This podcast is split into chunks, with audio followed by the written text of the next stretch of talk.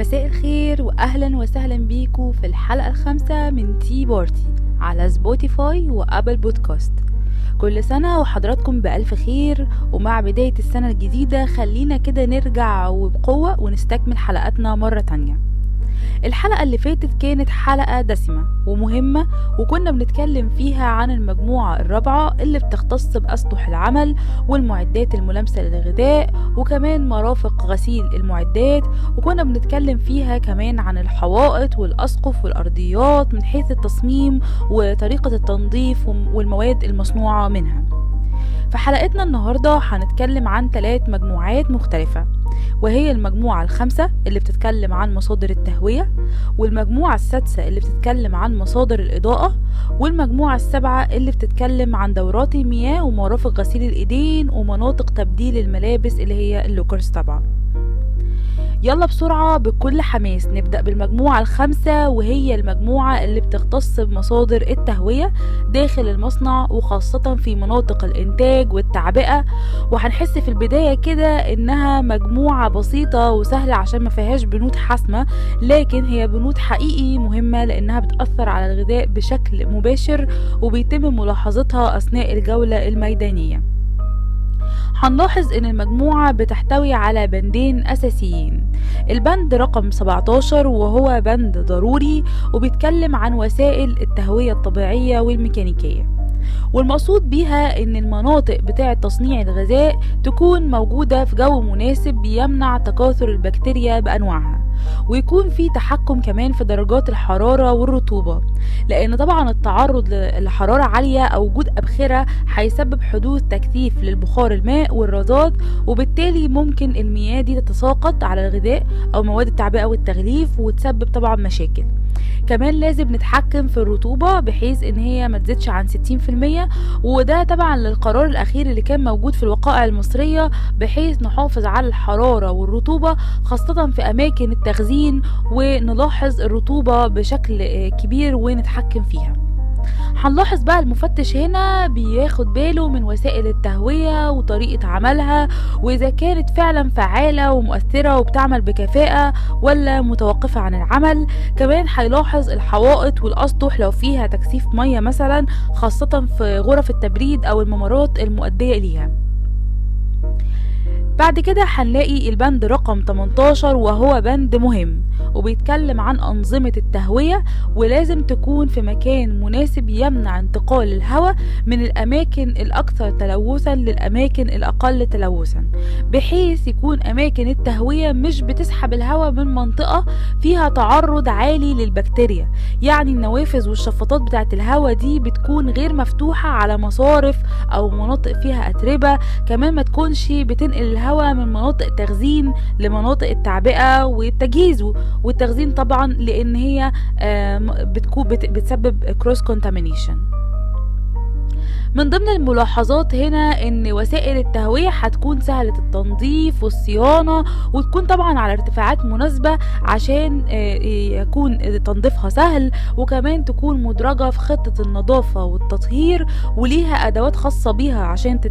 يتعمل تنظيفها وما يكونش في أدوات بتعوق الوصول إليها يعني ما يكونش مثلا في ماكينات بتعوق إن أنت أصلا تطلع لمكان التهوية وتنظفه بعد كده هننتقل للمجموعة السادسة واللي هي كمان فيها بندين أساسيين وهي مجموعة بتتكلم عن مصادر الإضاءة. بتشمل البند رقم 19 وهو بند ضروري وبيتكلم عن توافر مصادر الإضاءة المناسبة والكافية سواء كانت المصادر دي طبيعية أو مصادر صناعية. وطبعا ده مهم جدا عشان عمليات التشغيل تكون بشكل صحي. ولضمان السلامة وتسهيل اكتشاف العيوب. في حالة انت بتعمل inspection على ال final product أو على ال raw اللي داخل العملية. وده طبعا بيكون أثناء التعبئة والتغليف أو حتى تشغيل الخطوط نفسها. وعشان كمان تكون عملية الفحص بتاعة المرافق والمعدات والماكينات ونظافتها واضحة وسهلة.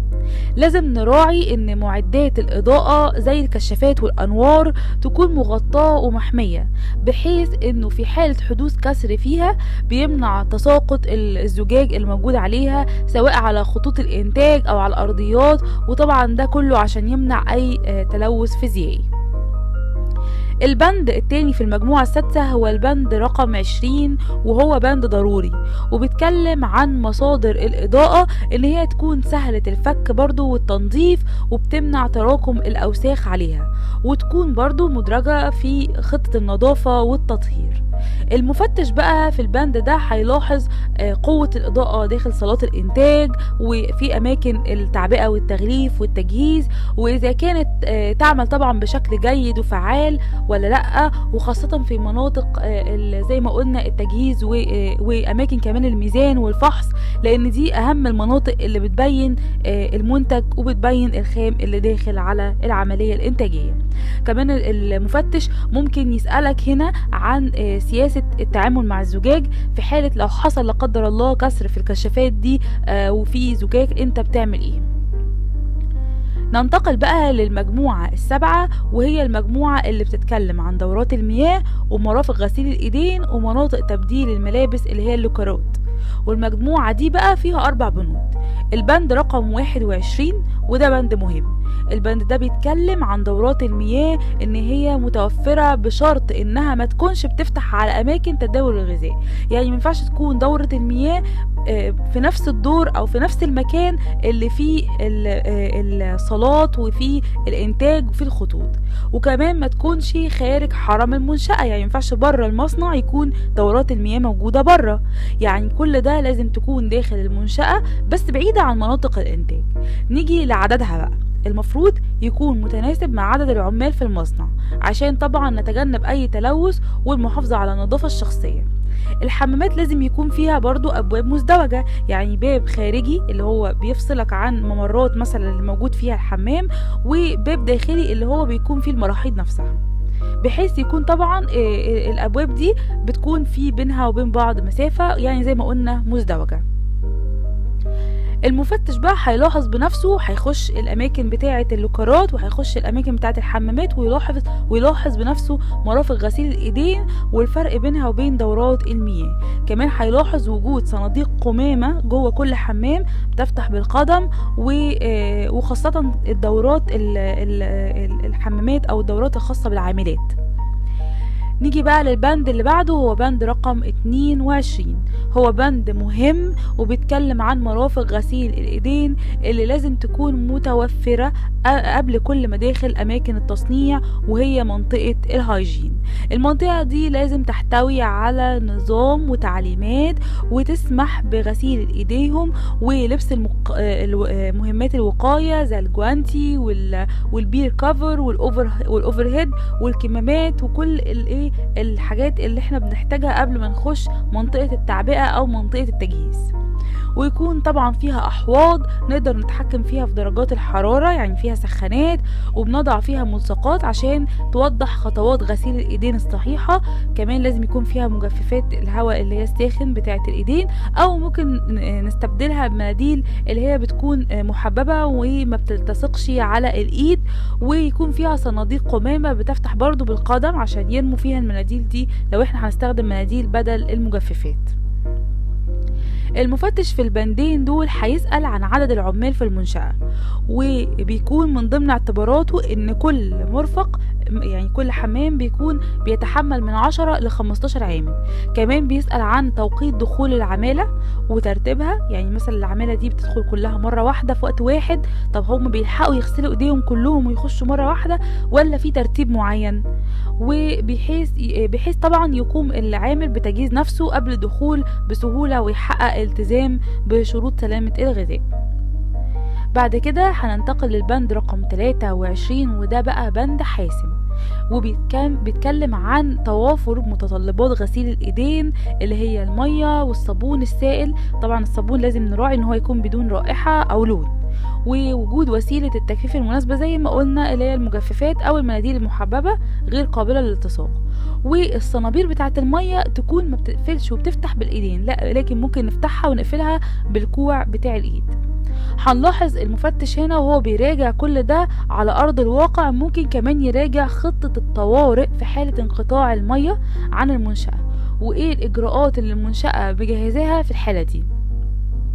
البند ده زي ما قلنا بند حاسم وهيكون غير مستوفي تماما في حالة عدم وجود واحدة من المتطلبات المطلو... الموجودة دي أو مستوفي جزئيا في حالة إذا كان أحد هذه الوسائل طبعا غير فعالة ولا تعمل بكفاءة ومفيش تحكم في درجات مثلا الحرارة أو مفيش سخانات أو منطقة الهيجين منطقة مش نظيفة أصلا أو مفيهاش مهمات الوقاية.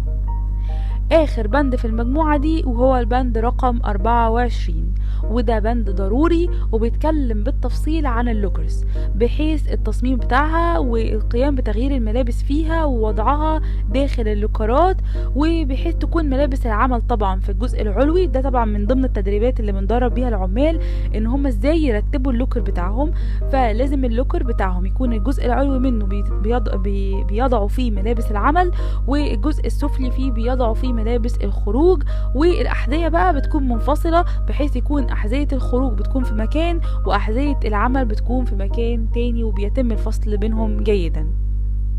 طبعا غرفة الملابس لازم تكون داخل حرم برضو المنشأة يعني ينفعش تبقى بره المصنع عشان نتجنب الكروس كونتامينيشن وأماكن وضع الملابس لازم تكون غير صادقة وغير ملوثة وده هيكون برضو ملاحظته بشكل أكبر في الجولة الميدانية. وأخيرا المفتش لازم يسأل عن أماكن تناول الطعام وأماكن التدخين. يعني ما ينفعش مثلا العمال يكونوا بيتناولوا الطعام في أي مكان أو بي العمال اللي بيدخنوا بيدخنوا في أي حتة جوه المصنع. لا لازم يكون في أماكن محددة واللوكرات ما يكونش فيها أي نوع من أنواع الأطعمة آه الشاي السكر كل الحاجات دي. وعشان يتأكد طبعا كل ده من إن هو ما يحصلش فيه cross contamination أو حدوث تلف للأطعمة اللي بتحتاج تبريد طبعا للمحافظة على صحة العاملين. وهنا برضو المفتش ممكن يسأل عن الإجراء المتخذ للحفاظ على صحة العاملين. وإزاي بن بنراقب العملية دي؟ وإيه هي الريكوردز اللي إحنا بنسجلها آه لتحقيق لتحقيق الاشتراطات بتاعة هيئة سلامة الغذاء أو الاشتراطات الصحية عامة؟ وبكده نكون خلصنا الثلاث مجموعات المهمة في البنود وهي مجموعات بيتخللها البنود من أول رقم 17 للبند رقم 24 أتمنى إن هي تكون أوضح وأسهل وتكون بقت سهلة علينا. ونصيحتي في الحلقة دي حاول دايما تظهر تظهر آه إن إنك فعال وقوي وصاحب بصمة سواء في شغلك أو في حياتك اليومية. بس اعرف إن ده إثباته مش بيكون بتدفيهك للآخرين أو لإمكانياتهم لكن بيكون بأدائك الشخصي وإنجازاتك. تقليلك من إنجازات الآخرين مش هيثبت مهاراتك ولا قدراتك الخارقة لكن هيوضح ضعفك وقلة حيلتك وثقتك المهزوزة في نفسك. شكرا واستنونا في الحلقات الجاية إن شاء الله.